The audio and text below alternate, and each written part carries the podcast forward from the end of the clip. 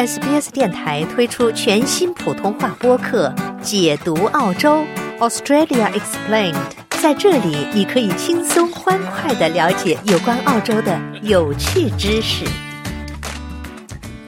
南澳的 Fringe 已经正式开始了，所以我们接下来的其中一个节目嘛，会把二胡这一百年所创作的一些传统的曲目，从最早期，比如说二泉音乐。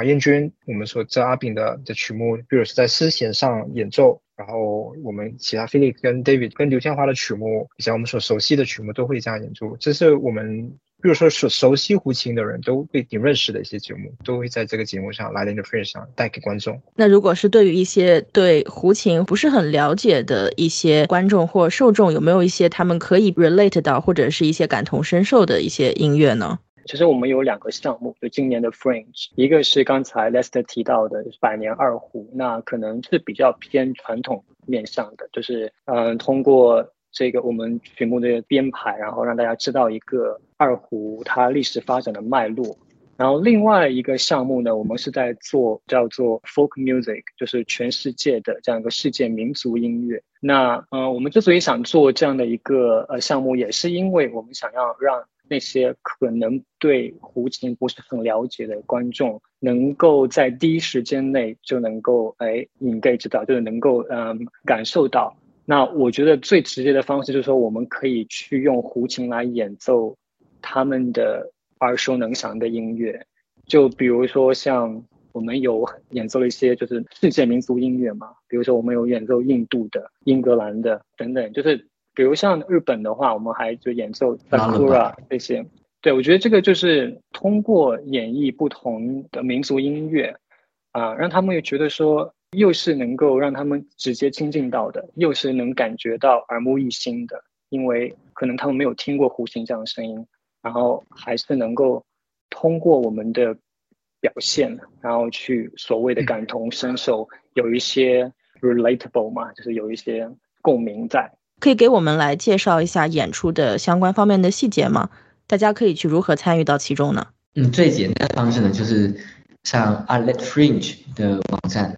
那其实 a l e t Fringe 网站呢，在每年都有两三百个节目在里面，你只要搜索打 Chinese。那前面两个就会跑出我们 Silk Strings 的项目了。有外国的朋友，你就可以带外国朋友来这个 Folk Music。你喜欢传统的东西呢，就欢迎来到这个百年二胡的节目。那个两个节目的名称呢，其中一个我就介绍那个百年胡琴的中文是说百年胡琴，不过在说的时候是 A Centennial Story of the Chinese Fiddle。那我们是即将在三月三号三月九号。会在 Adelaide 城市 Fringe 里面，在 Pilgrim Church 啊，比如说在 City 或者在啊 City 之外的 a r b r y House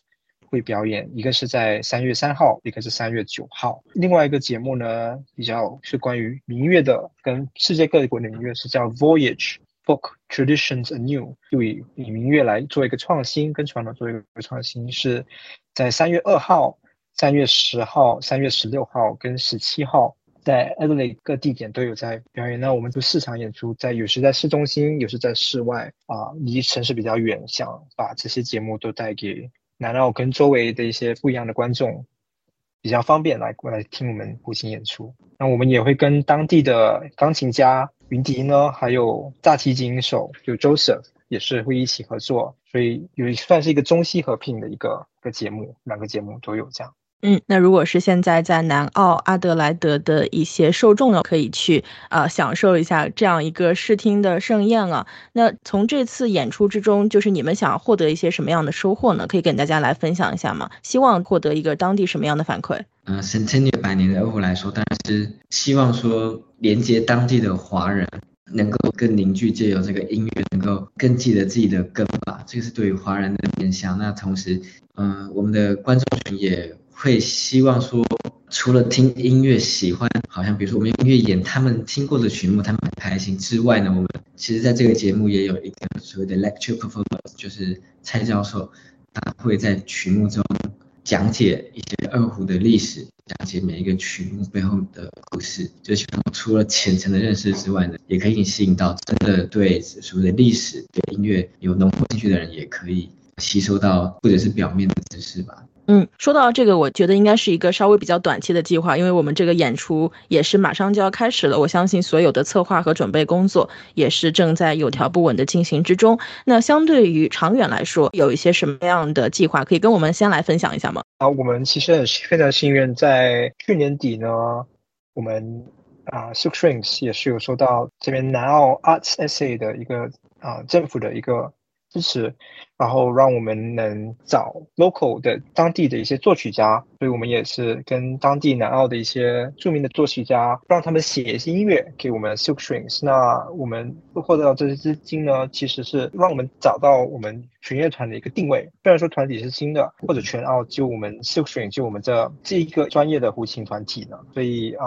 我们觉得，尤其我们身在澳洲，也算是一个移民国一部分。能够以这个团体带给我们一个特别一个特征，有南澳洲的作品跟作曲家写给我们的一些作品，带给我们挺挺有来临这一年的一些 这个 project 就做这个。其实呃，我们也有讨论过，比如说我们拿到一些嗯资金支持之后，我们也是希望能够跑一下这个巡演。比如我我现在其实是在不是在阿德莱德，是在南澳，就是阿德莱德北部的一个所谓的这个 countryside 嘛，就是啊一个小学做老师。那我也是希望深入到，比如说小学或者这个学校当中，我们能够有这样的一个呈现，就是我们可以去跑一下周边的这个学校，然后让更多的小孩子们、更多的学生能够从小开始听到不同的音乐。我是有这样的一个想法，但我们也在交流和洽谈当中。嗯，那 David 这边有没有一些想要补充的？从你个人的角度来看，有没有什么对未来的期待？期待嘛，嗯，有一个小愿望，就是说希望以后当你拿出二胡的时候，好像哇，What is this？希望就不会那么的好像新奇一样。希望它变成说，也是澳洲人，我们住在这边的人嘛，澳洲人就是生活中的一部分。好像到处都可以看到，很对他很了解。嗯，学校乐团有很多这个所谓的民乐团、华乐团、国乐团能够产生，我觉得这是一个长远的抱负或梦想吧。嗯，还有一个我觉得更长久的，就是一个措辞上的一个说法，就是可能提到二胡或提到胡琴，就会知道哦，that is Chinese violin。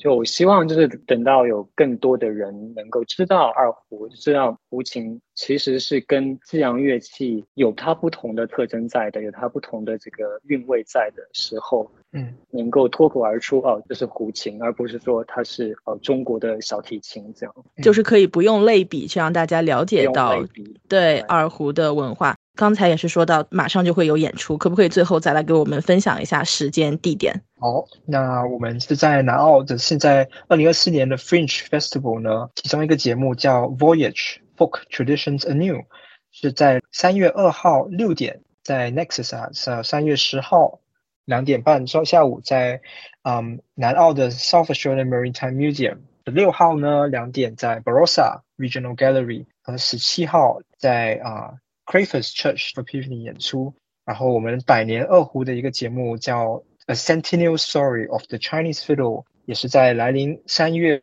三号六点在城市里面 Pilgrim Uniting Church，还有在三月九号六点在 Urbury House 啊演出，也欢迎到大家到 Adelaide Fringe 网上搜 Silk Strings 或者节目的名字都能找到我们。也希望大家来关注我们的这个 Facebook 的 page。大家可以搜 Silk Strings Ensemble，然后所有的我们这次演出的信息以及今后的一些资讯的话，我们都会放在我们的 Facebook 的的连脸书的这个页面上。嗯，场次挺多的，所以啊，听众朋友们，如果是有兴趣的话，也是记得在以上的这些时间，可以跟我们三位演奏家在阿德莱德一起去享受一场东方音乐的这样一个视听的盛宴。那今天呢，也是非常开心的，可以请到 Lester、Felix 和 David 来做客我们的节目，谢谢，谢谢，谢谢。想听到更多这样的故事吗？您可以通过苹果播客、谷歌播客、Spotify，或者您喜爱的方式下载收听。